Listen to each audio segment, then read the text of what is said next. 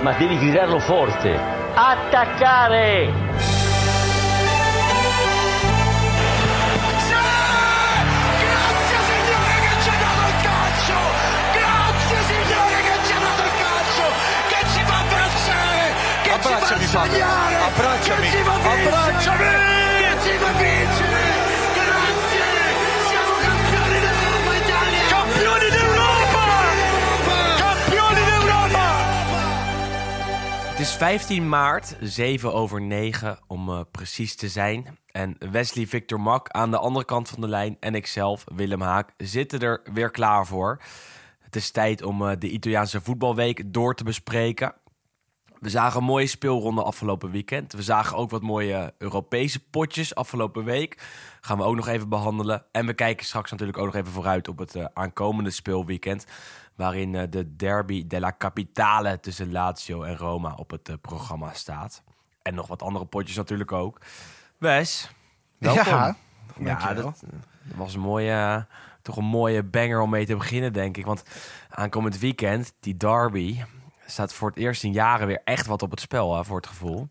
Nou goed, echt iets op het spel is misschien Ja, nog steeds een beetje, een beetje te enthousiast. Maar ik bedoel, het, feit is natuurlijk wel dat, dat Lazio is het ja, afgelopen weekend, gisteravond eigenlijk, eh, nog overheen gesprongen. Ja, Ehm, ik denk wel dat het gat met de ja, Champions League plekken, dat is dus groot, toch, toch wel groot.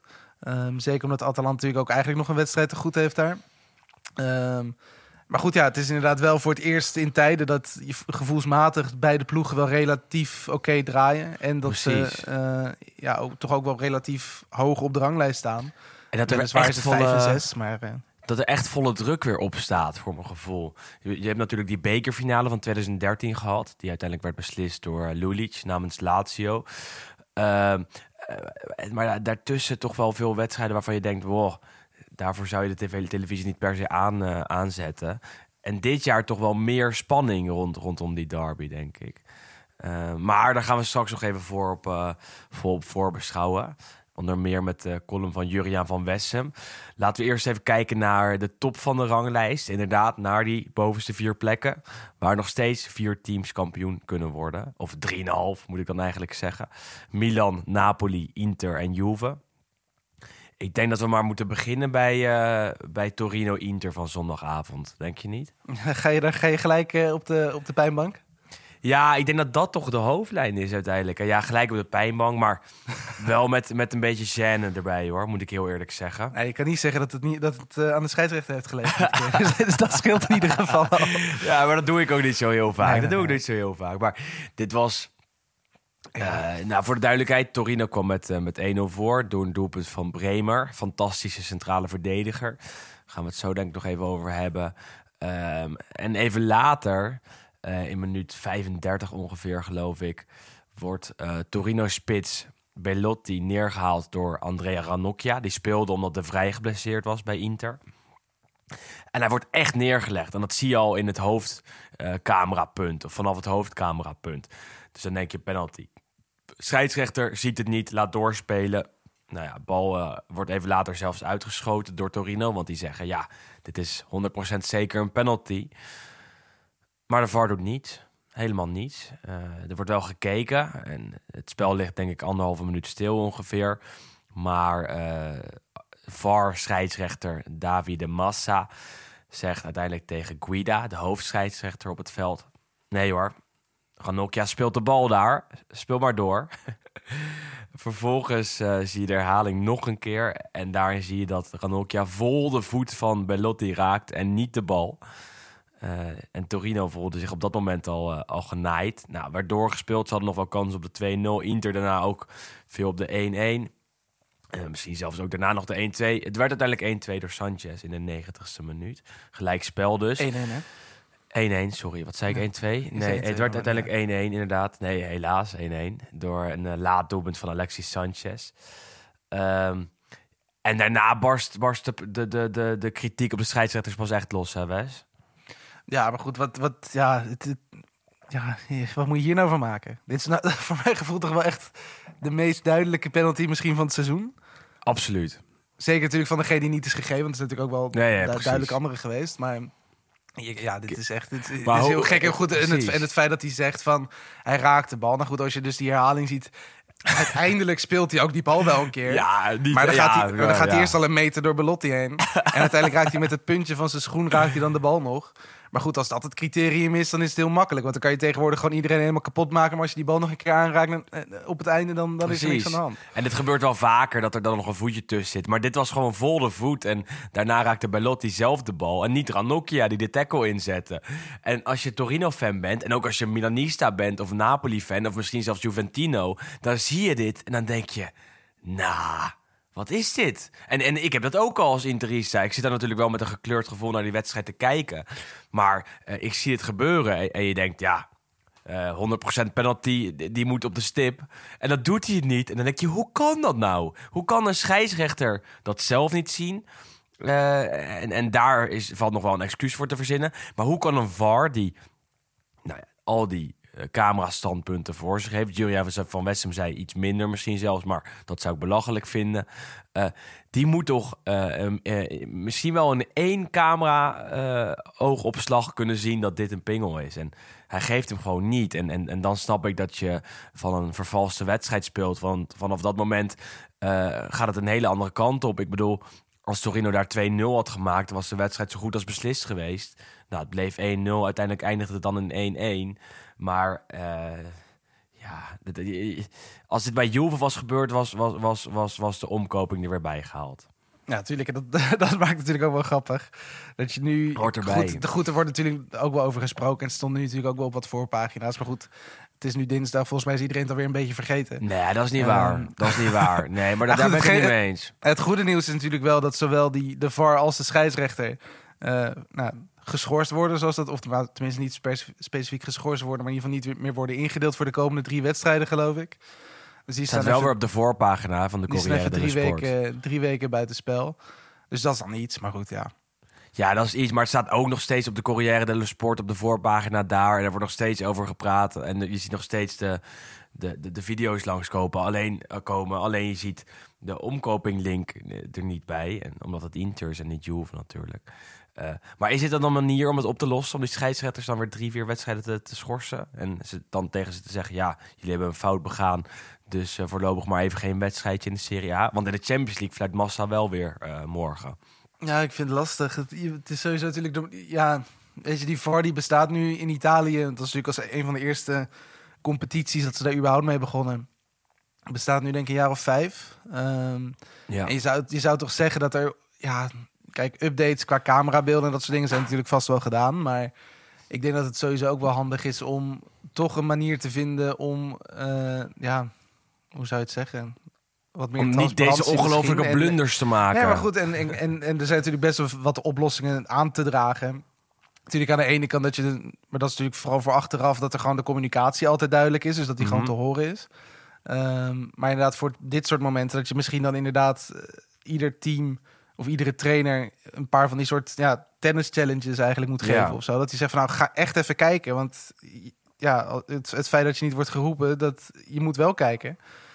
Ehm, maar goed, ja, of dat dan de oplossing is, weet ik ook niet per se. Maar ik denk Jury wel is dat, boos. dat je op een gegeven moment moet je een keer iets gaan doen. Want dit soort dingen Mhm. gebeuren toch nog wel relatief vaak. Dat iedereen die het beeld ziet, zegt van nou, 100% beslissing A. Terwijl de enige die daarover gaat, de VAR, zegt van nou, het is goed zo. Dat is En toch dat, dat, dat, blijft, dat blijft gewoon raar. Want het feit dat je natuurlijk ook nu die regel hebt van het, moet- je mag alleen overruled worden als het een duidelijke fout is. Ja. Ja, maar dat, dat is toch ook een onzinregel eigenlijk. Ik bedoel, een, een, een fout is toch ook... Dat is het hele idee van voetbal. En daarom is die VAR er.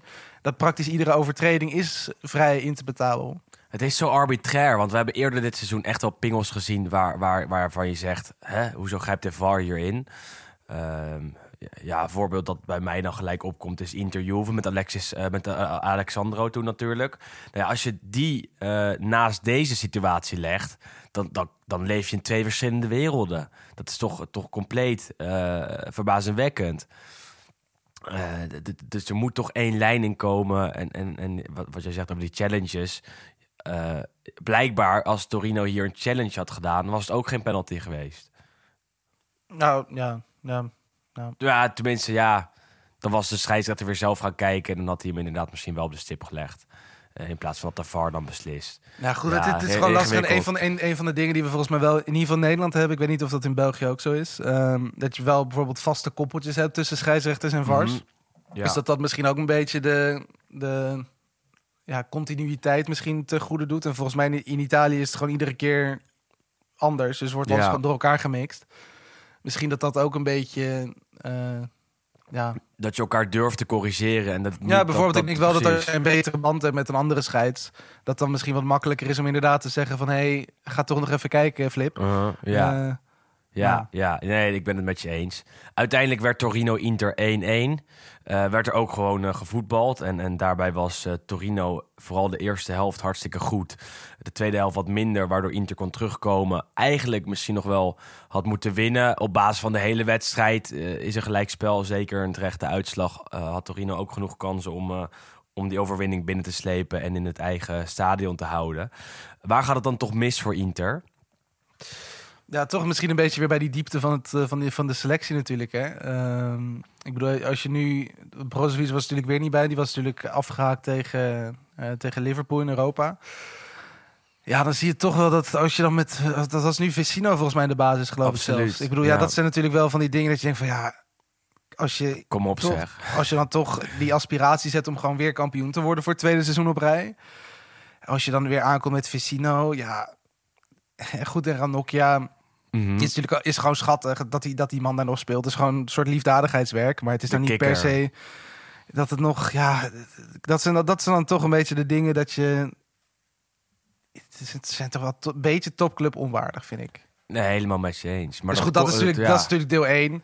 precies. Ehm, maar dat komt, en nog even, even op, op dit deel, eh, dat deel 1 blijven hakend. Dat komt natuurlijk door de transferperiode van afgelopen zomer, waarbij de selectie eh, is ontmanteld als het ware. Waarbij Inters eh, minder is geworden dan, is, eh, dan vooruit is gegaan. En dat zie je vooral aan de wissels. Dat Vecino nog, nog er is, is eigenlijk schandalig. Dat Ranocchia nog altijd moet spelen, ja, is verbazingwekkend. Dat Handanovic nog steeds de keeper is, eh, is al helemaal verbazingwekkend wat mij betreft. Als je een serieuze topclub was geweest, had je afgelopen zomer doorgetrokken. Had je afgelopen zomer doorgeselecteerd. Had je gezorgd dat er eh, een nieuwe lading mogelijke basisspelers binnen was geengeld. En dat is niet gebeurd. En het, de, de, de eerste seizoenshelft heeft Inter dat nog kunnen wegstoppen, kunnen wegdoezelen.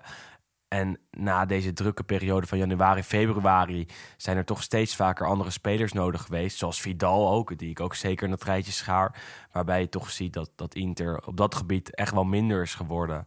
Ehm, en, en, en dan ga je het uiteindelijk op de lange termijn verliezen. Of ga je in ieder geval punten verspelen. Zoals ze de afgelopen weken steeds vaker doen. Tegen Genoa, Sassuolo, nu ook tegen Torino.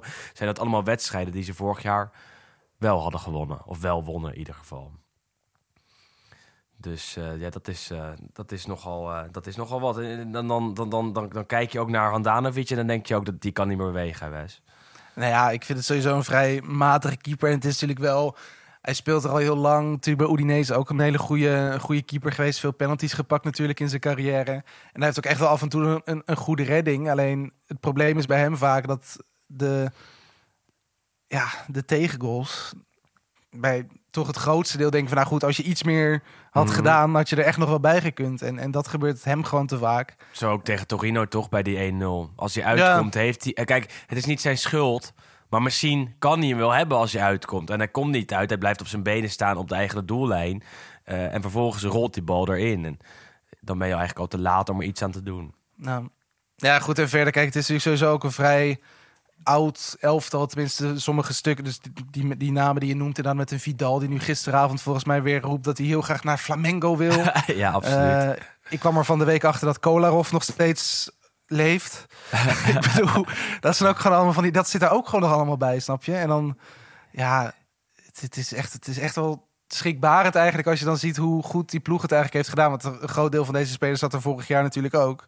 ja, het is een prima Eh, en, en het, is, basis. en het is niet per se dat inderdaad dat, dat, dat het nou heel veel slechter is geworden. Maar ja, het, het is. Ja wat, ja, wat je letterlijk wat jij zegt. Ik bedoel, als je echt de ambities hebt om ja, jaar in jaar uit kampioen te worden, dan moet er inderdaad heel veel gebeuren nu. En, aan dat dat er deze precies. zomer gaat er wel wat gebeuren. Maar Het is financieel natuurlijk gewoon slecht gegaan. Waardoor Eriksen werd vervangen met Çalhanoğlu. Hakimi met Dumfries. eh, Lukaku met Zeko. En dat zijn stuk voor stuk mindere spelers. En dan ga je zeker in bepaalde situaties tegen problemen aanlopen. En dat zag je ook weer tegen Torino. Waarbij al die, die achteruitgangen aan de oppervlakte kwamen. Want als Lukaku in de spits had gestaan... had hij denk ik wel eh, twee keer gescoord. Had hij in ieder geval eh, een van de grote kansen van Zeko wel gemaakt. Ehm, en dat is logisch. En dat hebben we aan het begin van het seizoen ook heel vaak uitgelicht. Daarna is Inter heel goed gaan draaien. Ehm, waarbij we toch zeiden, oh, dat is verbazingwekkend. Dat is het mooiste Inter van eh, de afgelopen tien jaar. En dat was ook echt wel zo tegen Roma. Alleen eh, was dat wel de basiself en niet de namen die erachter zaten. En als het dan echt iets minder draait, kunnen ze toch minder terugvallen op die absolute klasse. Want die is er simpelweg veel minder dan vorig jaar. Eh, waardoor Inter eh, punten blijft verspelen. Inmiddels terug is te vinden op een derde plek. Dat komt ook door de prestaties van Napoli en eh, Milan. Milan speelde zaterdagavond al tegen Empoli. Geen fantastische wedstrijd, er gebeurde eigenlijk niets. Maar ze wonnen wel door een doelpunt van Kalulu. Vorige week nog door ons uitgelicht. Schoot dan gewoon vanaf een meter of twintig met links het hoekje in, West. Dat is, dat is verbazingwekkend voor centrale verdediger. Ja, zij schoten prima binnen. Ja, wat je zegt, ik had hem aangezet eh, toch ook weer een beetje in de, in de hoop van nou, hoogvlieger tegen laagvlieger. Misschien zien we wat doelpunten. Ehm, een beetje zoals we ja, de wereld ook naar Juve kijkt als die tegen Spezia moeten of als Ja. Inter tegen Salernitana moet. Ehm, je ziet dan dat sommige ploegen het wel voor elkaar krijgen en andere duidelijk niet. Want ik vond het weer van Milan kant een hele, ja, toch weer een plichtmatige wedstrijd eigenlijk. Ja. Waar, waarin er nou heel weinig gebeurde. Dat Empoli eigenlijk ook gewoon het, het spel maakte, het grootste gedeelte van de wedstrijd.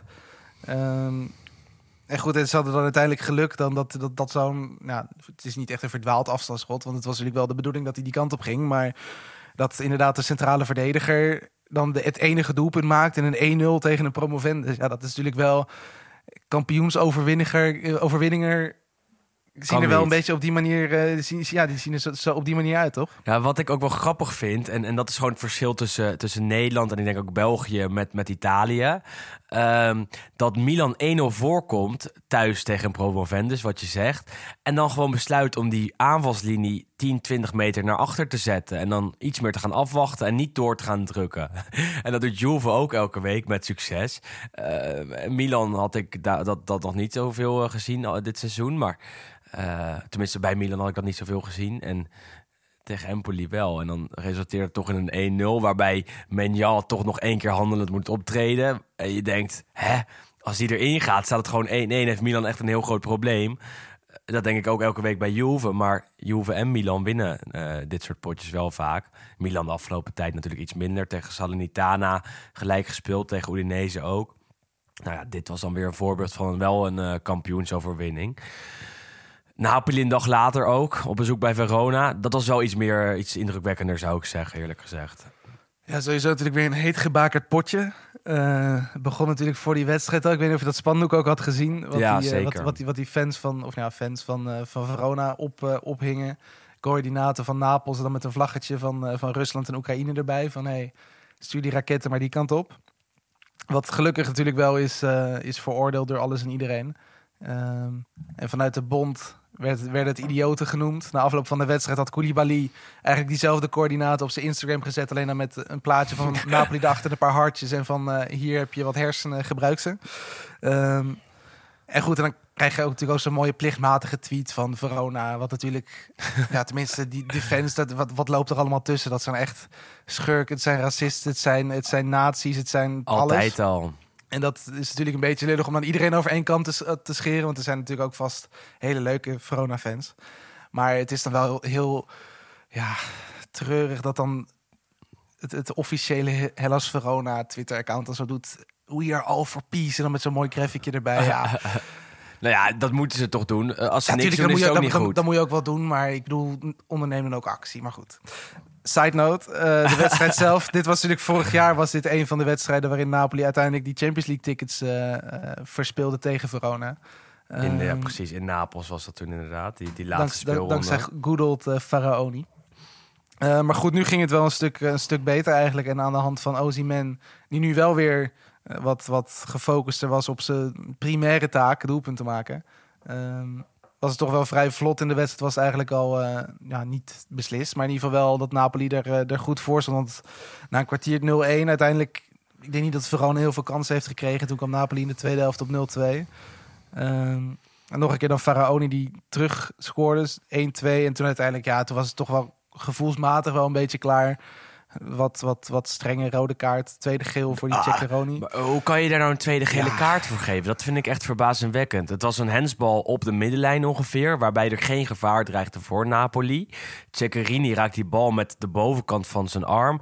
En de scheidsrechter zegt: Weet je wat, ik heb al de hele wedstrijd zin om jou eraf te sturen.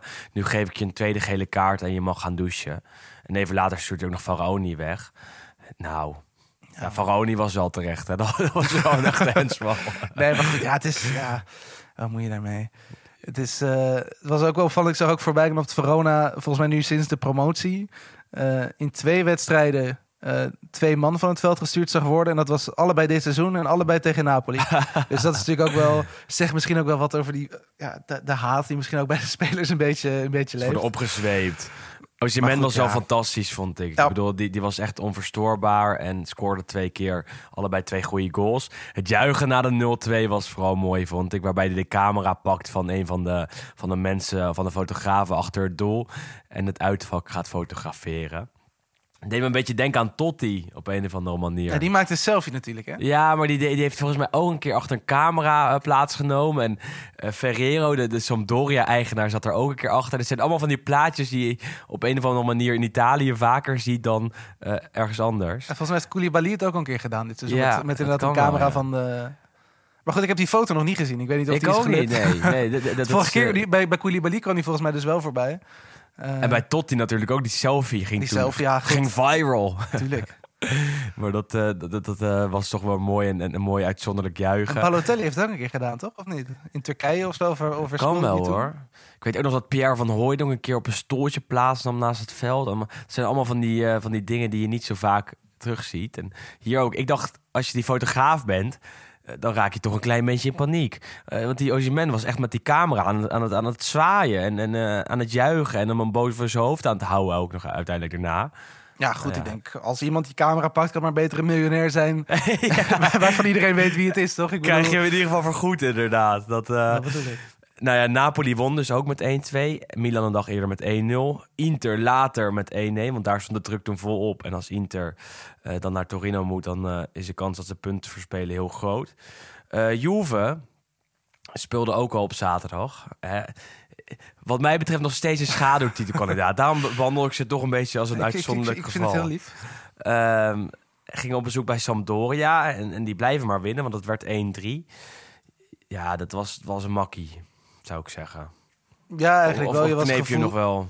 Nou ja, gevoelsmatig was er niet heel erg veel gevaar. En dat heb ik eigenlijk... Ja, tenminste heb je sowieso wel vaak in die wedstrijden met Juve... dat nou, ondanks wat je dus zegt... dat natuurlijk regelmatig gebeurt dat Juve... of na een voorsprong of eigenlijk al gewoon bij 0-0... wat terughangt en gewoon wel ziet wat er gebeurt. Ehm, heb je nou niet altijd het gevoel dat Juve nou echt een gigantische zorgen is eigenlijk? Want ook als je de doelpunten, de tegengoals dit seizoen kijkt... zijn ja, vooral wereldgoals of afstandsschoten. En dat het gebeurt natuurlijk heel weinig. En het is natuurlijk wel een paar keer eh, voorgekomen. Maar dat ze echt volledig kapot worden gespeeld. En dat, dat de tegenstander scoort. Dus je hebt eigenlijk, zeker tegen een Sampdoria, wat natuurlijk niet in vorm is, hoef je daar ook al niet heel erg bang voor te zijn. Ehm, maar goed, desondanks, het hielp natuurlijk wel mee dat eh, Maya Yoshida, de Japanner van Sampdoria, de bal in zijn eigen doel eh, klungelde. Ehm, Maar bij- bij de bal leek in de boarding te verdwenen. Te ja, het, het, het camera-standpunt is daar niet altijd niet. Even, even, even goed, nee. Ja, goed, maar dat Wat was eigenlijk ook een van de eerste momenten in die, eigenlijk in de hele wedstrijd dat Juve opeens snel een uitbraak eh, eh, ja, voor elkaar kreeg. Toen hadden ze nog niet op doel geschoten, toch? Nee, volgens mij nog helemaal niet. Nee, want het was gewoon één diepe bal vanuit achteruit op, eh, op Quadrado. Die sprintte naar voren. En voor de goal stonden de spitsen. Maar goed, ja, Yoshida gleed hem in. Nee, maar überhaupt Eh, ook nog niet. Volgens mij was dit, stond er 0-1. Nee, nee, klopt, ja, klopt. Precies, was- ja, ja. Eh, dus dat was inderdaad het, het eigen doelpunt. Nou, even later een goede actie van, uh, van Keane. Die mocht starten in plaats van eh Vlaovic. En die draaide eigenlijk best wel goed, eh, goed weg bij Colli.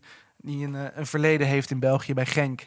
En die gauw ja, ook een onhandige botsing eigenlijk. Waar, ja, duidelijke penalty, denk ik. Absoluut. En die ging ook binnen. Dat was uiteindelijk pas het eerste schot van Juve op doel. en die ging erin en 34e toen, toen was het al 2-0.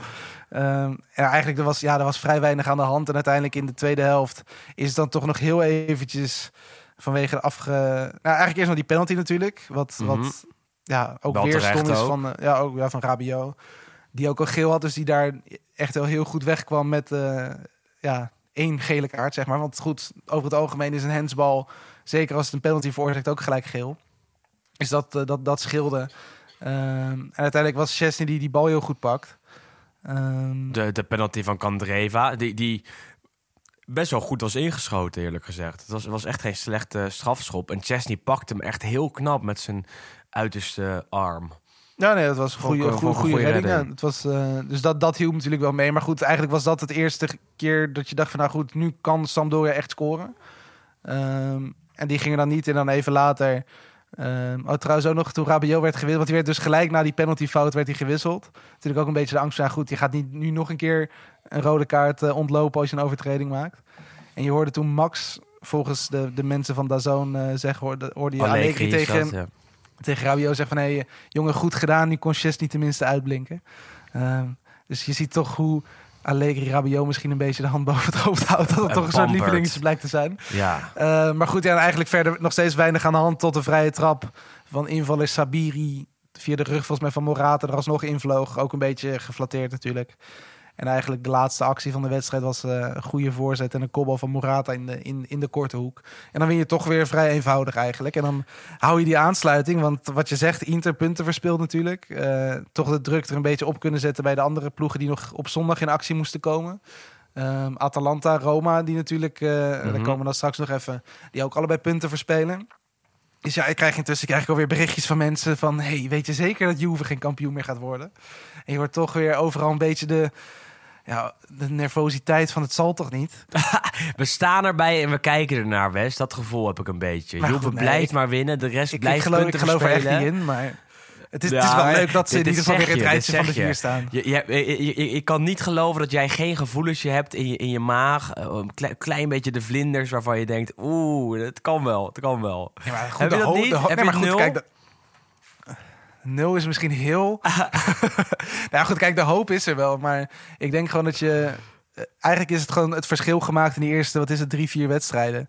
Ehm, Ja, dat is het punt. maar Maar, dat, dat is ja, gewoon een beetje het, het, het lullige, want ja, In de, in de wedstrijden dat je Ronaldo nog miste. ja, dat was het eigenlijk. Die eerste, vooral die eerste twee wedstrijden, volgens mij ook nog natuurlijk toen Ronaldo nog wel zat in. Want ze begonnen volgens mij met die uitwedstrijd tegen Udinese.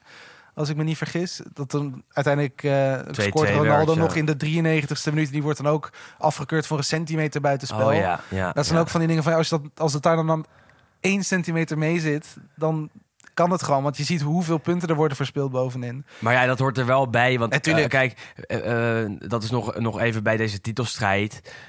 Is er wel één ploeg die bij far het meest benadeeld is ondertussen. En dat is Milan. Ja, Ik bedoel, als je kijkt met, met die afgekeurde doelpunten van, van, de af, van volgens mij tegen Udinese en tegen Spezia, waarbij de scheidsrechter gewoon een fout maakt. Als je kijkt naar de manier waarop Inter soms, eh, soms eh, het voordeel van de scheidsrechter er toch meekrijgt.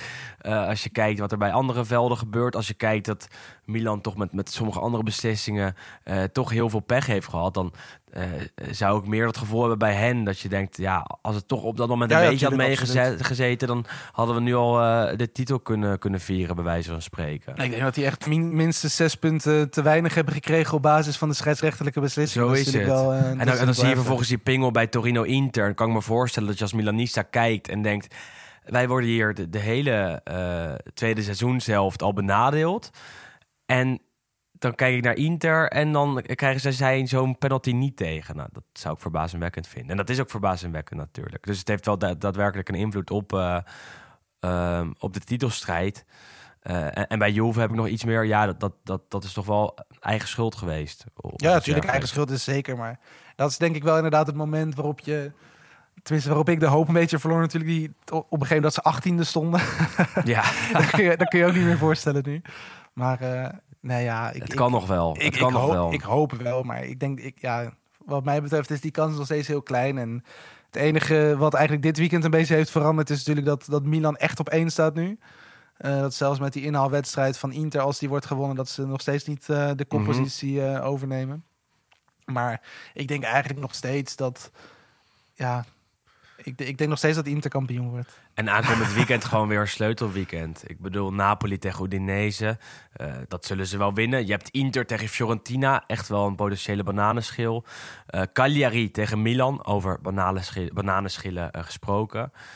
Ehm, en Juve Salernitana. Nou ja, als je dan kijkt, dan kunnen Inter en Milan normaal gesproken weer punten verspelen. Kan Juve nog dichterbij komen. Eh, en, en dan hebben we volgens mij de Interlandbreek. En daarna staat eh, Juve Inter op het eh, programma. Dus voordat je het weet, wip je al over Inter heen. En sluit Ja, je weer echt aan bij Napoli Milan. Belachelijk, ik ben het met je eens. Nee, dat, dat, het, het is nog lang niet gestreden in ieder geval. Nog lang niet gespeeld. Waar het ook niet gespeeld is, is de strijd om plek 5. zoals net al even besproken. eh, won Lazio maandagavond met 1-0 van Venezia. Ciro Immobile. Eh, Roma verspeelde weer punten op bezoek bij Udinese 1-1. En Atalanta deed hetzelfde, 0-0 tegen Genoa. Stelt Atalanta dan toch het meest teleur van die drie ploegen? Ehm, ja, kijk, ik, ik, ik, denk ook wel... Nou, ze hebben niet per se boven verwachting gepresteerd natuurlijk de afgelopen paar jaren. Ehm, maar het is natuurlijk wel het feit dat je nu met, met Napoli en Milan... dat die ook weer echt meedoen bovenin. Ehm, dat dat natuurlijk eigenlijk wel is hoe het hoort. En het is natuurlijk meer dat, dat, dat Milan en Napoli natuurlijk wat slechter hebben gepresteerd de laatste seizoenen. eh, gevoelsmatig dan dat... Ja, Weet je, ik, ik denk eigenlijk dat Atalanta en, en Roma en Lazio eigenlijk gewoon de perfecte ploegen zijn voor inderdaad plek 5 en 6 eigenlijk. Ehm, En die mogen goed, ook zo'n eigenlijk- seizoen ertussen hebben, ja, natuurlijk. Maar ik denk ook dat dat gewoon wel, als Atalanta nu dit seizoen vijfde wordt, waar het wel, tenminste als die die inhaalwedstrijd winnen, dan staan ze gewoon weer vijfde. Mhm. Ik denk wel dat dat een beetje de plek is waar ze eigenlijk gewoon thuis horen, met alle respect. Eh, en zeker dit seizoen, als je inderdaad ook ziet dat die heel veel problemen krijgen met blessures opeens. Eh, wat natuurlijk eigenlijk de laatste seizoenen, waarin het juist zo goed ging bij hen, was natuurlijk juist het, het, het, eh, ja, het verhaal dat het zo belachelijk was dat die gasten nooit geblesseerd waren. Eh, dat ze daar ging, inderdaad gingen kijken naar. De fitnesscoach. heeft die gekke fitnesscoach niet ergens een paar spuitjes met, met wat dingen? hoe, hoe heet die fitnesscoach ook alweer? Bangs- naam Bangs-. Bangsbeu. Oh ja, Jen- Jens Bangsbeu. Maar die zat toen natuurlijk ook bij Juve rondom de wat gevaarlijke periode. Ja, Ehm, rond de dus- eeuwwisseling. Dus daar, daar werd inderdaad wel wat eh, gezegd van... Hey, misschien heeft hij nog wat eh injectienaalden over. Maar goed, nee, ik denk... Kijk, en, en je, moet, je moet niet vergeten... Genoa kan alleen maar gelijk spelen. Dus ik bedoel, het is niet zo gek dat Atalanta daar natuurlijk 0-0, Zeven eh, keer op rij met Blessing. Blessing kwam, het is echt bizar. speelde gelijk... en Blessing gaat weer vertrekken aan het eind van het seizoen-. Daar komt het bijna op neer, zou Ja, ik- zeggen. dit is wel een hele gekke reeks. Wat- wat- ik, ik, ik zag dus ook van de week dat die Giuseppe Pastore had natuurlijk weer een mooi dingetje. Maar dus hij is de eerste trainer ooit die zijn eerste zeven wedstrijden gelijk speelt. Er is maar één ploeg ooit die acht keer gelijk speelde op rij. En niet alleen de eindstand is gelijk in die wedstrijden van, eh, van Blessing, maar zelfs de ruststanden. Dus het is volgens mij nu van de zeven keer is, was vijf keer 0-0. Dus er werd- werd helemaal niet gescoord. En de twee keer dat het 1-1 werd, vielen beide doelpunten ook nog eens in de eerste helft. Is, Het nou is be- überhaupt ook nog niet gescoord in de tweede helft. Het is echt, het is echt, het is echt heel gek. Heel is gek. nou beter geworden met hem? Shevchenko vertrok, Blessing werd aangesteld. Speelde nu zeven keer gelijk tot nu toe. Ja, Is het dan een vooruitgang? Want uiteindelijk staan ze nog steeds, nog steeds zes punten onder de streep. Ja, het is, het is lastig te zeggen. Want ze, ze zijn natuurlijk wel duidelijk. En dat, dat, dat is wel duidelijk te zien. Het, het staat defensief beter. En het is allemaal georganiseerd. Dus als dat het doel was, is dat inderdaad wel goed. En je ziet wel dat ook tegen grotere ploegen, natuurlijk tegen Inter, eh, tegen Roma, nu tegen Atalanta, wordt gewoon gelijk gespeeld. Dus dat zijn punten die je natuurlijk normaal gesproken nooit zou pakken als Genoa zijnde. Eh, en die je dan nu wel pakt. Alleen tegelijkertijd speel je ook tegen Venetië en tegen Salernitana gelijk. dat En die moet je winnen. En dat zijn de drie punters. Of de zes En tegen Empoli eigenlijk. trouwens ook nog thuis. Ja, en ook dus dat- gewoon 0-0. Tuurlijk, Ja. ja. En dus dat zijn inderdaad de. Ja, het, het is lastig, want je, je zou dus inderdaad zeggen van als je dus die degradatiekrakers wint, dan heb je dus, nou, is het vier keer drie punten, heb je er twaalf. En je verliest dan van al die topploegen, heb je er daar nul. Maar goed, dan heb je nog steeds meer punten dan als je zeven keer gelijk speelt. Dus Ja. ja, op basis van het programma zou je zeggen, het gaat eigenlijk slechter dan gedacht. Maar goed, aan de andere kant, als je zeven keer, zeven wedstrijden op rij ongeslagen blijft, zou je dan misschien toch ook weer moeten zeggen dat Blessing het goed doet. Maar ja, het is, het is Maar ik weet heel- het heel gewoon echt bizar. niet. Nee, maar het, het- ja, het is heel bizar.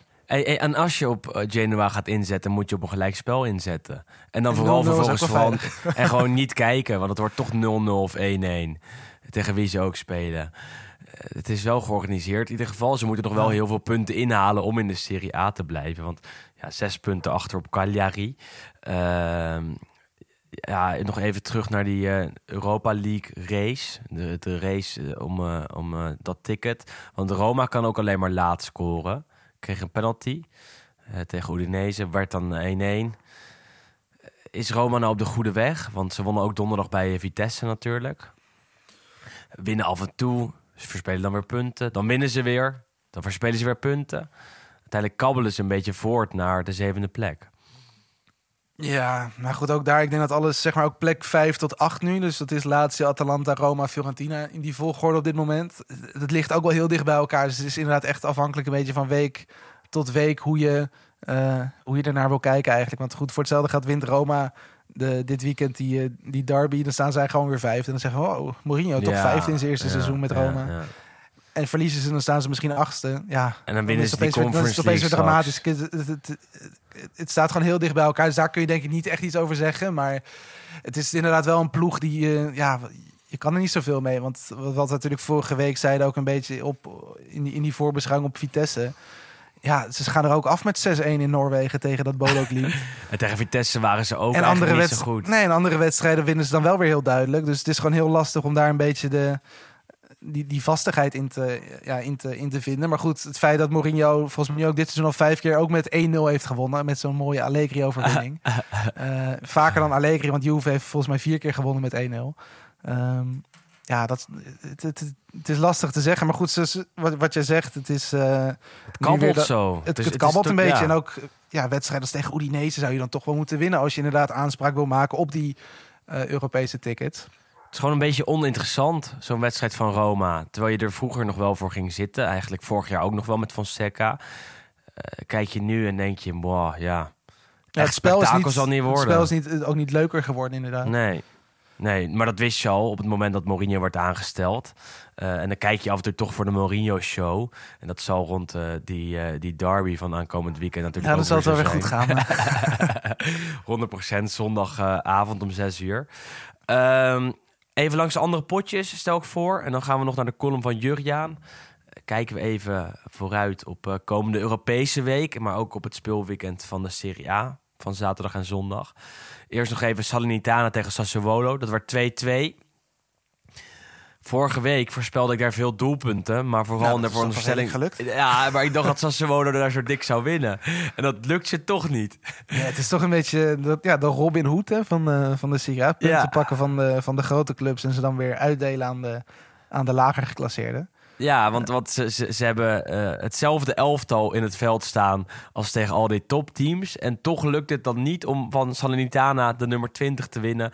En wel van, van Inter, van Milan en van Juve.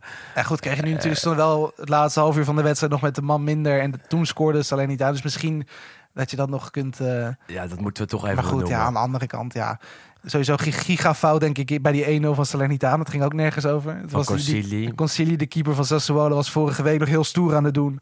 Dat hij in een 4-1 overwinning een penalty pakte van Venetia. En dan liep hij als, eh, hoe heet hij, eh, Conor McGregor? eh, Ja. Geloof ik, liep hij een beetje te showboten. Is toch En dan nu de eerste bal moet hij gewoon vangen, gaat op de lat en stuit er dan terug voor Bonazzoli zijn voet en die glijdt hem binnen. Dat was ook wel lekker om weer even met de beide beentjes op aarde te zijn daar. En daarna nog wel een hartstikke mooie goal van Skamaka. Goede en Traoré ook een hele goede goal. Traoré is echt ontploft en die blijft zich fantastisch ontwikkelen. Wij dachten dat hij nog steeds eh, naar Juventus kon op het moment dat Juventus hem zou willen voor 16 miljoen. Eh, Ja, maar die optie is... eh, ja, die is vervallen dus. Dat is eh, ja, slecht nieuws voor Juventus. Goed nieuws voor Sassuolo, denk ik. Want die kunnen op deze manier voor veel meer geld nog verkopen. Ja, Zeker als hij zo doorgaat. Toch? Ja, dat is wel 30, 30, 40 miljoen waard op dit moment. Hetzelfde geldt nog steeds voor Scamacca, voor Raspadori, voor Fratesi. En natuurlijk al helemaal voor Berardi. Dus eh, het advies om Sassuolo te blijven kijken gaat nog steeds op. Ook als ze gelijk spelen op bezoek bij Salernitana. Dat ook niet weet te winnen. Want de afgelopen vijf duels ook vier keer gelijk gespeeld. Eh, en daarmee eh, lijkt ook voor hen de Serie B inmiddels wel echt in zicht te komen. Voor Spezia is dat niet het geval. Die wonnen thuis met 2-0 van Cagliari. Ehm, mooie ontlading daar, want het was echt een hartstikke belangrijke overwinning in de strijd eh, om handhaving. Hadden ook een tijdje niet gewonnen.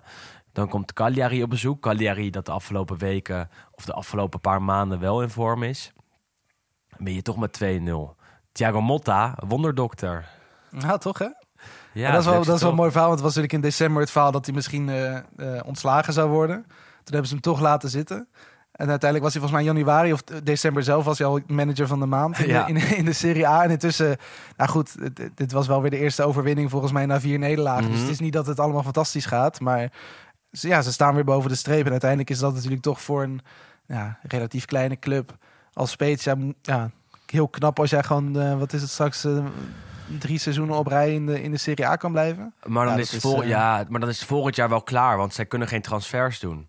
Zij, zijn, wel zij zijn gestraft voor het halen van jonge Nigeriaanse spelers, volgens mij, op een illegale manier. En daardoor mogen ze volgens mij nog steeds drie transferperiodes niks doen. Dus dat zou dan aankomende zomer zijn, de winter en de zomer daarna. Als het je dan lukt om in de Serie A te blijven, Dat is het helemaal knap. Ja, zou het nee, super knap zijn. het zou me niks verbazen als ze daar ook nog weer tegen in beroep gaan. En dan tegen de tijd dat uiteindelijk die straf er echt is, dan spelen ze waarschijnlijk alweer in de Serie B. Ehm, Ja, goed, anders we, zullen, zit, we zullen eh, dat in de gaten houden. Anders zit Jeroen Zoet daar eh, jaren vast. Want zij kunnen een tweede keeper ook niet verliezen natuurlijk. Eh, over keepers gesproken trouwens. Bij Cagliari maakt Cranjo de afgelopen weken fantastische indruk. Ik heb deze wedstrijd niet helemaal gekeken. Even voor de duidelijkheid. Wel de samenvatting. En daarin zie ik Cranjo toch weer een paar fantastische reddingen verrichten. En dat was de afgelopen weken ook al het geval. Dus absoluut een keeper om in, eh, in de gaten te houden. En misschien zit hij wel bij eh, de selectie van Roberto Mancini voor die play-offs van, eh, van over twee weken. Ehm, dat is echt wel een keeper waarvan ik denk... als Inter die had gehad in plaats van Andanovic... dan was ik daar wel blij mee geweest. Ja, goed, Onana komt jullie kant op. Hè? ja, dus we mogen niet, Dat is ook wel- we dat is ook mogen niet te veel klagen, precies. Onana vanavond natuurlijk in de Champions League. Met Ajax tegen Benfica. Ehm nou, nog wat andere potjes. We hebben eigenlijk alles al een beetje zijdelings behandeld, Wes. Eh, voor- goed, we voor- moeten alleen nog even langs Lazio toch nog. Want Ja, het feit dat, dat Chiro weer scoort. eh, hij is nu natuurlijk all-time topscorer geworden daarmee in de, in de Serie A ook. Want eh, Silvio Piola stond op 143 namens Lazio. En nu staat Ciro Immobile op 144. Mhm. Vorige week dus de gelijkmakende. Want toen heb ik het ook gezegd, dacht ik. Maar dat, dat was dan inderdaad de evenaring. En nu heeft hij het verbroken. Nu heeft hij hem echt Mooi, verbroken. En hij speelde ja. met een rode, ja, hoe noem je dat, Eh, aanvoerdersband. Ehm, het was Pino Wilson. Dat is een oud, ehm, ja, de oud aanvoerder eigenlijk van Lazio Mhm. uit de jaren 70, denk ik. Moet Jurgen Ja. moet me maar even verbeteren als, ik, als het niet helemaal klopt. Maar goed, van lang geleden. Die is onlangs overleden. En die speelde altijd met een rode aanvoerdersband. Dus dat Lazio voor zijn ja, nagedachtenis eigenlijk eh, ook een rode aanvoerdersband klaargelegd voor eh, Immobile. En het is dan wel mooi dat hij in zo'n historisch eh, ja, moment dan ook Mhm. een historische goal maakt. Mee eens. en ik zag ook voor- sinds zijn debuut voor Lazio heeft alleen Messi en Lewandowski scoorden meer in de grote vijf competities. Dus Ja. het is wel, is ook gewoon bizar dat hoe- eigenlijk nog steeds behoorlijk onder de radar. Want goed, als jij zegt wie zijn de beste doelpuntenmakers van Europa, ik denk niet dat heel veel mensen Immobile in die top 10 zetten, toch? Absoluut niet. En wie is de eerste spits van de Azzurri? Zegt ook niet iedereen meer Immobile. Wat ook verbazingwekkend is. Want als je naar zijn cijfers ook van dit seizoen kijkt... ik geloof dat hij er al 26 heeft in liggen... over alle competities verdeeld. Dan zijn dat topcijfers. En dan is er niemand die in de buurt komt. Ook Balotelli niet. Maar goed, in de nationale ploeg is het dan toch net een ander verhaal, helaas. Ja, die, die, die, die moeten aanvallen. En bij Lazio kan hij toch op een of andere manier... beter de ruimtes vinden eh, dan bij Italië. En dat blijft toch voor problemen zorgen daar. Eh, niet voor Lazio, want eh, hij schiet ze toch elke week naar die overwinning... en daardoor staan ze ook vijfde nu. Fiorentina-Bologna werd 1-0. Ehm, ja, het is zo mooi om het Artemio Franchi te zien... tijdens een middagwedstrijd van half één. Zeker in maart, zonnetje eroverheen, de Fiesole op de achtergrond. Altijd jaloersmakend, eh, West. Dan, eh, dan denk ik En dit was volgens mij ook Fiorentina Bologna, de laatste wedstrijd waar ik toen ben geweest. eh, of nou, de- Ja, tijdens de COVID was het al, toch? ik was er toen inderdaad tijdens, tijdens de coronaperiode. Toen ben ik, was dus de zomer van 2020, toen ben ik een maand in, eh, in Toscane even gaan, ja, Heerlijk, zeg maar. En eh, toen dacht ik, ik pak, ik, ik, ik pak toch nog eventjes een, eh, een wedstrijdje mee. Het was toen volgens mij de laatste, ene laatste speelronde toen. Want het seizoen was natuurlijk een beetje opgeschoven door die hele lockdown. Eh, en toen heb ik nog een hattrick van Federico Chiesa gezien. Toen werd het 4-0. Heel mooi. Maar dat was inderdaad, dat was toen wel een avondwedstrijd. Ehm, maar goed, ja, het- dat zijn wel ook. Ondanks dat toen natuurlijk helemaal niks, niemand in dat stadion zat, behalve wat journalisten, was dat wel een hele. Ja, het blijft toch wel een van de- mijn favoriete stadions. Ik ben wel benieuwd hoe het nu gaat zijn als eh, ja, die verbouwing doorgaat daar. Goed, Ja, als het goed is gaan, natuurlijk- ze, gaan ze in 2026 naar een nieuw stadion. Met nadruk op als het goed is, want die plannen liggen Ja. er al een hele lange tijd. En, en nu dus zijn er ook nieuwe inderdaad plannen al het tiende stadionplan voor Fiorentina. Ja. dus. En bij, bij Inter Milan leek die kogel ook door de kerk. En dat is nu misschien toch weer niet zo, omdat de gemeente moeilijk blijft doen. En het Roma-stadion is volgens mij al twaalf keer... eh, die hebben al een eigen stadion eh, getekend en gepresenteerd. Dus het, ja, het blijft natuurlijk wel een dingetje in Italië. Toen Maar... hadden ze nog een campagne met Spalletti als Roma-trainer. Volgens mij Famo so, sto, so, Famo sto Stadio.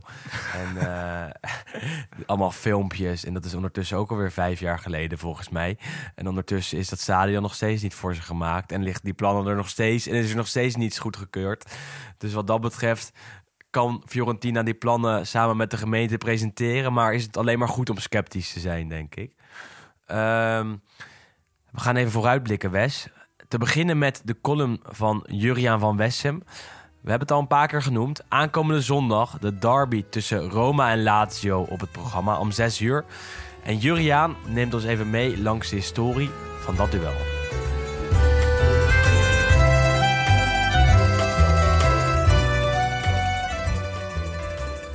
De Derby della Capitale is altijd een bijzondere wedstrijd. De in opdracht van Mussolini gemaakte fusieclub AS Roma tegen het vrijgevochten Lazio is ook politiek nog altijd beladen, maar dat hoofdstuk sla ik even over. Het is vooral een wedstrijd in de eeuwige stad met een opmerkelijk evenwicht, dat we bij de andere derbies op het Schiereiland eigenlijk alleen maar in Milaan zien. AS Roma wil zich graag voordoen als de grootste club, maar eigenlijk heeft Lazio van de twee de meeste prijzen gepakt en dat geldt zeker voor deze eeuw als we de landstitel van 2000 daarbij mogen rekenen. Rond de millenniumwisseling streden ze samen om de Scudetto en toen nam AS Roma die over van Lazio. Dat waren de tijden van de grootmeesters Sensi en Cagnotti als voorzitters, die eigenlijk allebei te groot dachten vanuit het principe Roma caput mundi. De erven van Sensi hebben de club aan Amerikanen moeten verkopen, terwijl Cagnotti Lazio in een zakelijke bankroet stortte omdat premier Berlusconi een volksoproer van de extreemrechtse aanhang van Lazio vreesde, wanneer hij de club net als Fiorentina zou terugzetten naar de serie Cidue, stemde hij in met een enorme regeling over de belastingsschuld, die over 25 jaar zou worden uitgesmeerd. Met deze voorwaarden nam Claudio Lotito de club over. En hij heeft de club behouden voor de Serie A en zelfs de erelijst stevig opgepoetst. Met natuurlijk een gewonnen bekerfinale tegen stadgenoot Roma in 2013 als hoogtepunt. En Roma moet het in deze eeuw eigenlijk alleen maar hebben van enkele succesjes in finales op Inter in de Coppa Italia en de Supercoppa. En een onvergetelijke triomf op Barcelona in de Champions League. Misschien volgt er dit seizoen met Mourinho zowaar een hoofdprijs met de Conference League. AS Roma won in 1961 als eerste Italiaanse club een Europese prijs, de Jaarbeurs Stedenbeker, en verloor daarna twee finales, maar wel allebei in het eigen Olimpico. Een derby onder de Monte Mario is wel een belevenis op zich. Omdat beide fangroepen voor een enorme ambiance kunnen zorgen, maar soms gaat het ook finaal mis. Zoals met die misdadige vuurpijl in 1979 waarbij een Lazio-fan overleed. En in 2004 werd de wedstrijd gestaakt vanwege een gerucht over doden buiten het stadion bij rellen dat helemaal niet bleek te kloppen. Er braken daarna nog meer rellen uit en de balans na afloop was 13 aanhoudingen en 170 gewonden. Maar er waren ook heel veel mooie derbies. Ik pik er één uit. Een 3-3 van 29 november 1998 uit de tijd van Sensi en Cagnotti. Als je naar de opstellingen kijkt, loopt het water al uit je mond. Bij Roma, met trainer Zeeman, speelden Aldair, Candela, Totti, Di Francesco en Del Vecchio. En bij Lazio van Eriksen, Marchegiani, Michailovic, Sergio Conceição, Nedved, Stankovic, Salas en Mancini. Kortom, hogeschoolvoetbal en dan ontbrak Nesta nog op het appel. Na 26 minuten opent Del Vecchio de score na een aarzeling van Marchegiani bij een voorzet. Maar drie minuten later zorgt Mancini op een geweldige dieptepaas van zijn maatje Michailovic met een duivelschot voor de gelijkmaker. Una pennellata. Het was de 150ste goal in de Serie A van de huidige bondscoach. En 11 minuten later scoorde Mancini nog een keer met een subtiel tikje op een vrije trap van wie anders dan Sinisa Michailovic. Doria in Excelsis Deo in deze derby della Capitale. Vervolgens lijken bij Roma de stoppen door te slaan. Petrozzi wordt uit het veld gestuurd voor een wilde tackle. En Womé haalt Salas onderuit, waardoor Lazio uit een strafschop van de Chileen op 3-1 komt. Maar in het laatste kwartier neemt Roma het initiatief met één man minder en zorgt Eusebio Di Francesco voor 3-2 nadat hij net werd aftroefd in het strafschopgebied. En daarna scoort Totti op aangeven van Del Vecchio na een merkwaardige kortsluiting in de defensie bij Lazio. En natuurlijk ging Totti na zijn treffer juichend naar de Curva Sud. 3-3. Zo moet een derby della Capitale zijn. Met het publiek als de grote winnaar.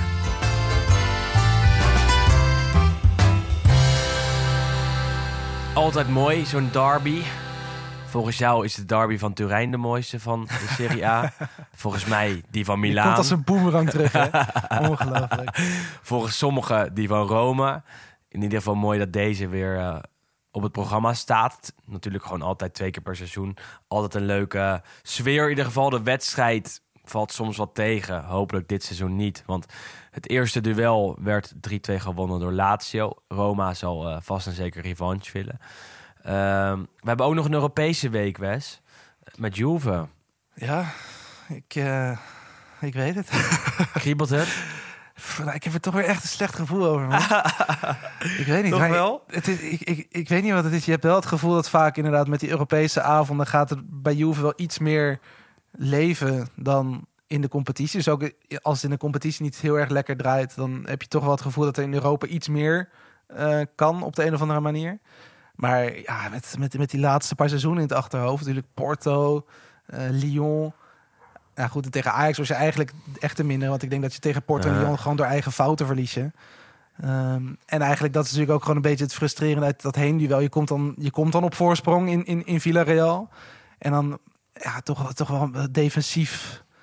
Ja, onoplettendheid is misschien nog te licht uitgedrukt, maar gewoon een fout natuurlijk achterin. En dan geef je toch weer zo, zo stom een doelpunt weg. En ja, goed, het, het feit is natuurlijk wel. Je hebt nu natuurlijk ook die uitdoelpunten niet meer. Dus het is wel. Stel, Villarreal maakt er twee, het wordt 2-2. Dan heb je natuurlijk nog steeds. eh, kan je doorvoetballen. Dus dat is dan wel Mhm. het voordeel in die zin. Maar ja, ik Ja. weet niet. Ik heb, ik heb er toch niet echt een heel erg eh, veilig gevoel bij. En Villarreal is ook gewoon een goede ploeg natuurlijk. Ja, het is natuurlijk niet dat die niet kunnen voetballen. Het is, eh, ik denk voetballend ju- juist een van de betere ploegen van Spanje. Ehm, maar goed, ja, laten we hopen dat, dat Juve toch ergens weer wat, eh, wat, wat kracht vandaan kan halen. Om eh, voor het eerst ook weer een hele lange tijd. Want volgens mij de laatste keer dat het ze überhaupt wel weer is gelukt om eh, voorbij die achtste finale te komen, was denk ik 2018, 19. Toen ook Mhm. wel tegen een Span- Spaanse ploeg, toen tegen Atletico. Dus niet 17, 18 dan? Oh, Ja, de dat- kwartfinale was, kwartfinale was tegen Ajax. Dat was kwartfinale Ja, ja. ja, je hebt gelijk. Ja, het Ajax ja. speelde toen volgens mij de achtste finale tegen Real, als ik me niet vergis. Ja, nee, je vergist je zeker niet. Nee, nee, nee. nee, Ja, goed, maar toen verloor, eh, toen verloor Juve in Spanje met 2-0. En toen wonnen ze uiteindelijk dankzij een hat van Ronaldo met 3-0 in eigen huis. Maar dat was, ook de laatste eh, keer. Met de cojones van Ronaldo. Dat waren de gebaar. cojones van, eh, van Chris. En Ja. vorige Ja, week ik heb er nu niet zo'n... natuurlijk, Nee, eh, niet, geen goed gevoel over. nee, ik heb Want niet zo goed gevoel. Ik wilde net zeggen, het laatste Italiaanse team in de Champions League. Inter de vorige week uit. dat, dat was nog wel Ook mooi. hè? pijnlijk, ja. ja. 60 heel- minuten geen spanning. Toen 1 1 1 minuut gespannen na het doelpunt van Lautaro. En daarna was het gelijk weer klaar. Echt zo typisch. Maar goed, eh, toen backfired mijn uitspraken weer dat Inter geen kans maakte. Nou, uiteindelijk viel die kans ook hartstikke mee. Eh, ik kreeg afgelopen weekend ook weer dingen naar mijn hoofd geslingerd, West, na Inter. dat, ik, het niet. dat, ik, eh, elke, dat ik elke week van mening verander. Maar dat is ook zo, want het seizoen verandert gewoon de hele tijd. Dus dan veranderen mijn meningen en volgens mij Ja, jouw mening ook de hele tijd. Ehm, kijkersvragen, denk ik. Nou, Of niet? eh, ehm, eerst nog even naar eh, de Europa League ook. Atalanta Oh ja, ja, tegen. Leverkusen natuurlijk. Ehm, en, eh, want Atalanta vorige week met 3-2 gewonnen thuis tegen Leverkusen. Moeten nog uit naar Duitsland. Nou, zal best spannend worden. En Roma won in Arnhem met 0-1 van Vitesse. Die zullen het in eigen huis wel over de streep trekken, nemen we aan. Ehm, tenminste, dat mogen we toch wel aannemen. Ja, Of denk je dat Vitesse daar kan verrassen? Nee. Laten we maar zeggen van niet. Nee, dat denk ik ook niet. Ik denk dat daar, daar weinig hoop voor is, eerlijk gezegd. Zeker omdat Roma in het Gelredome op dat slechte veld eh, niet fantastisch was, maar wel de wedstrijd onder controle had, voor mijn gevoel. Ehm, de- een van die luisteraarsvragen, als we dan toch eh, gelijk doorgaan, eh, was of de bakootjes lekker waren in het Gelredome. En? Waren ze goed? nou, ik was met een vriend en de wedstrijd was zo saai. Er gebeurde niks. En we waren daarvoor ook wat gaan drinken op de Korenmarkt. En eh, nou ja, dan ga je gewoon in het stadion ga je een beetje doordrinken, weet je wat. Er gebeurde toch niks. Dus er was weinig, weinig gespannen aan. En zeker niet omdat ik geen fan ben van, van, van Vitesse en ook niet van Roma. Dus de bakeltjes waren lekker, Wes. Ja, uitstekend. Nee, ja, dat, Je hebt eh, geen, eh, niet de behoefte gehad om dat veld nog even op te rennen? Nee, wel bijna. Om Mourinho een knuffel te geven. nee, dit, dit, eh, dit- nou, die wedstrijd was... eh, kijk, het was verschrikkelijk, toch? Het was verschrikkelijk. En Vitesse, eh, met alle respect, is ook niet de club waarbij de sfeer fantastisch is. Dus eh, dan is het leuk om een tripje naar Arnhem te maken... en, en te kijken naar Mourinho en co. En om Zaniolo en Abraham in actie te zien. Eh, maar meer dan dat was het ook niet. Dus de bakeltjes was nog wel... eh, waren Het nog wel hoogtepunt een- van de avond. nou, een, een lekker extra ingrediënt in die zin. Ehm, heb jij nog wat Twitter-vragen? Want dan ga ik je Instagram maar even bijpakken. Eh, je had natuurlijk mooi gevraagd van... eh, wat kunnen we zeker niet overslaan vanochtend? En toen zei iemand koffie. Nee, dat dat, heb ik niet. Heb jij ik, ik, drink jij elke ochtend koffie? Ja, tuurlijk. Ja? tuurlijk. Ik eh, word daar altijd zenuwachtig van als ik heel veel koffie drink. En ik krijg er last van van mijn kaken. Dus kunnen we zeker niet overslaan? Nou, ik soms wel hoor. Ik Of een decafeestje. Ja, ja. Nee, maar verder, ja, eigenlijk de, de meeste vragen hebben we weer, hebben we weer gedaan. Jur van Westerman natuurlijk gevraagd of Milan inderdaad de meest benadeelde ploeg was. Mhm. Hebben gezegd, Wouter Verschelde wilde weten of Sarri de meest onderschatte coach is van de Serie A. Dat denk ik niet. Dat denk ik nou niet per se. Ehm, Heeft goed, al hij heeft natuurlijk ook- bewezen, ja. maar hij heeft natuurlijk ook niet in die zin heel veel echte successen geboekt. ja, toch? Met alle respect Nee, kampioen geworden met een Juventus-team... Wat, eh, waar het moeilijker was om geen kampioen te worden. Maar goed, het, is, het blijft natuurlijk wel een, een, een goede trainer, dat wel. Maar ja, onderschat denk ik, eh, denk ik niet. Nee. Wat Ehm, hadden we verder eens. nog? Wordt Heb jij, had jij nog iets leuks op Instagram? Nou, ik zie nu een tweetje na- eh, voorbij komen van Napoli. Waarbij zij eh, zeggen dat zij eh, dichtbij die Russische journalisten staan. die tijdens een tv-uitzending een eh, spandoek heeft laten zien. Waarbij eh, ze zegt: stop de propaganda. de. Twitter-account van Napoli is altijd fantastisch. Want dit is toch compleet wordt random. wat zij doen.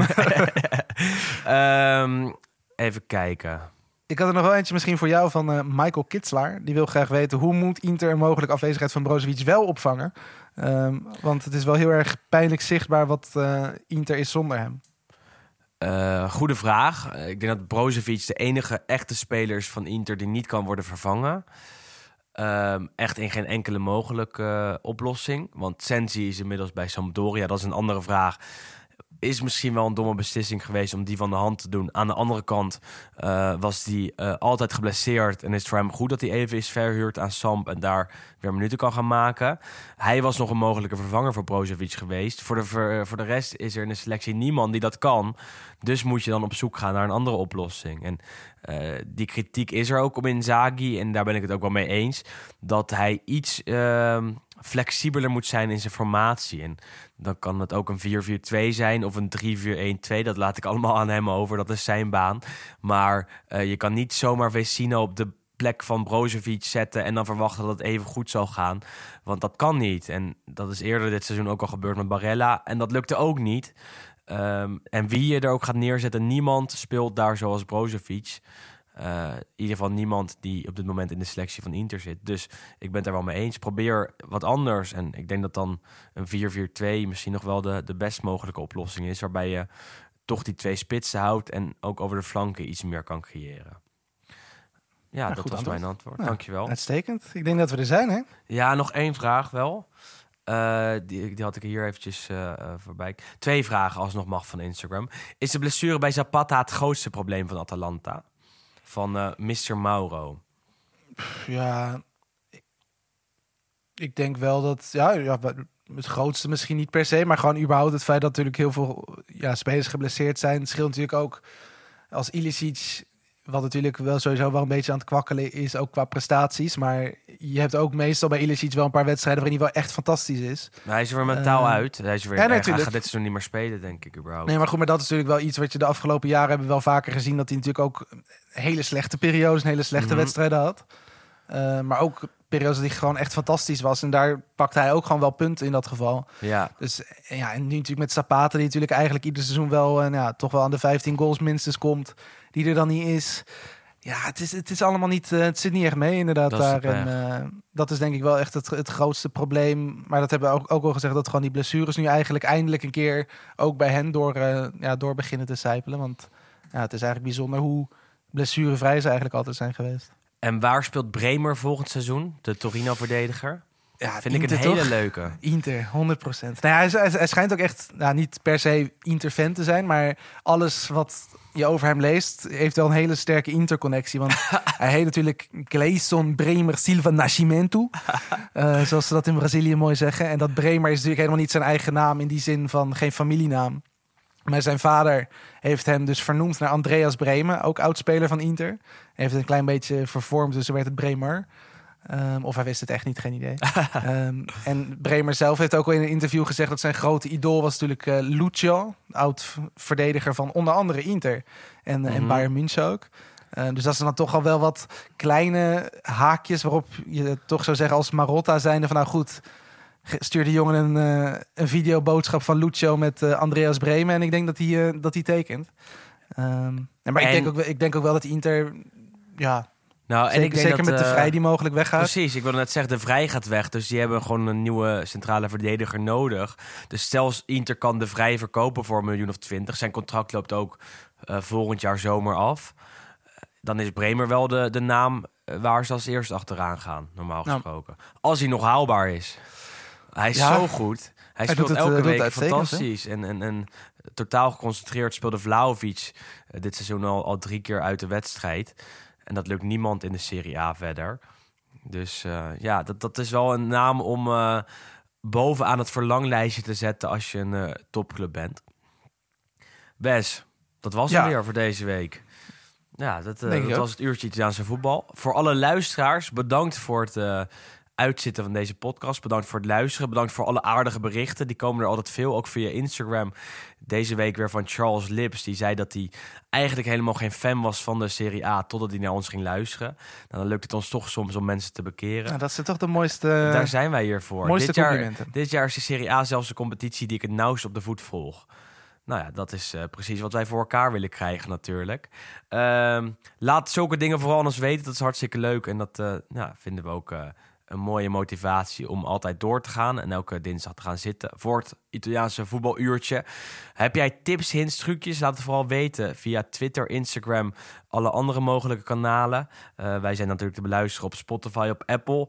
eh, op alle andere eh podcastplayers volgens mij ook zelfs. En dat is mede te danken aan Friends of Sports en FC Afkikken. En natuurlijk ook aan Harmen Ridderbos, die ook deze week de podcast weer heeft gemonteerd. Of heeft gemixt, moet ik dan eigenlijk zeggen. Die zorgt ervoor dat de podcast met de beste geluidskwaliteit bij jou in je oortjes, op je speakers of uit je autoradio komt. En eh, daarvoor danken we Harmen hartelijk vriendelijk. En eh, ook jij bedankt, Wes, voor jouw aanwezigheid. hey, hey, bedankt hè. Ja, nee, dat, eh, dat gaat altijd goed. en dan spreken wij elkaar volgende week weer. En hopen dat Juve dan door is naar de kwartfinales van de Champions League. Dat zou mooi zijn. Tot de volgende.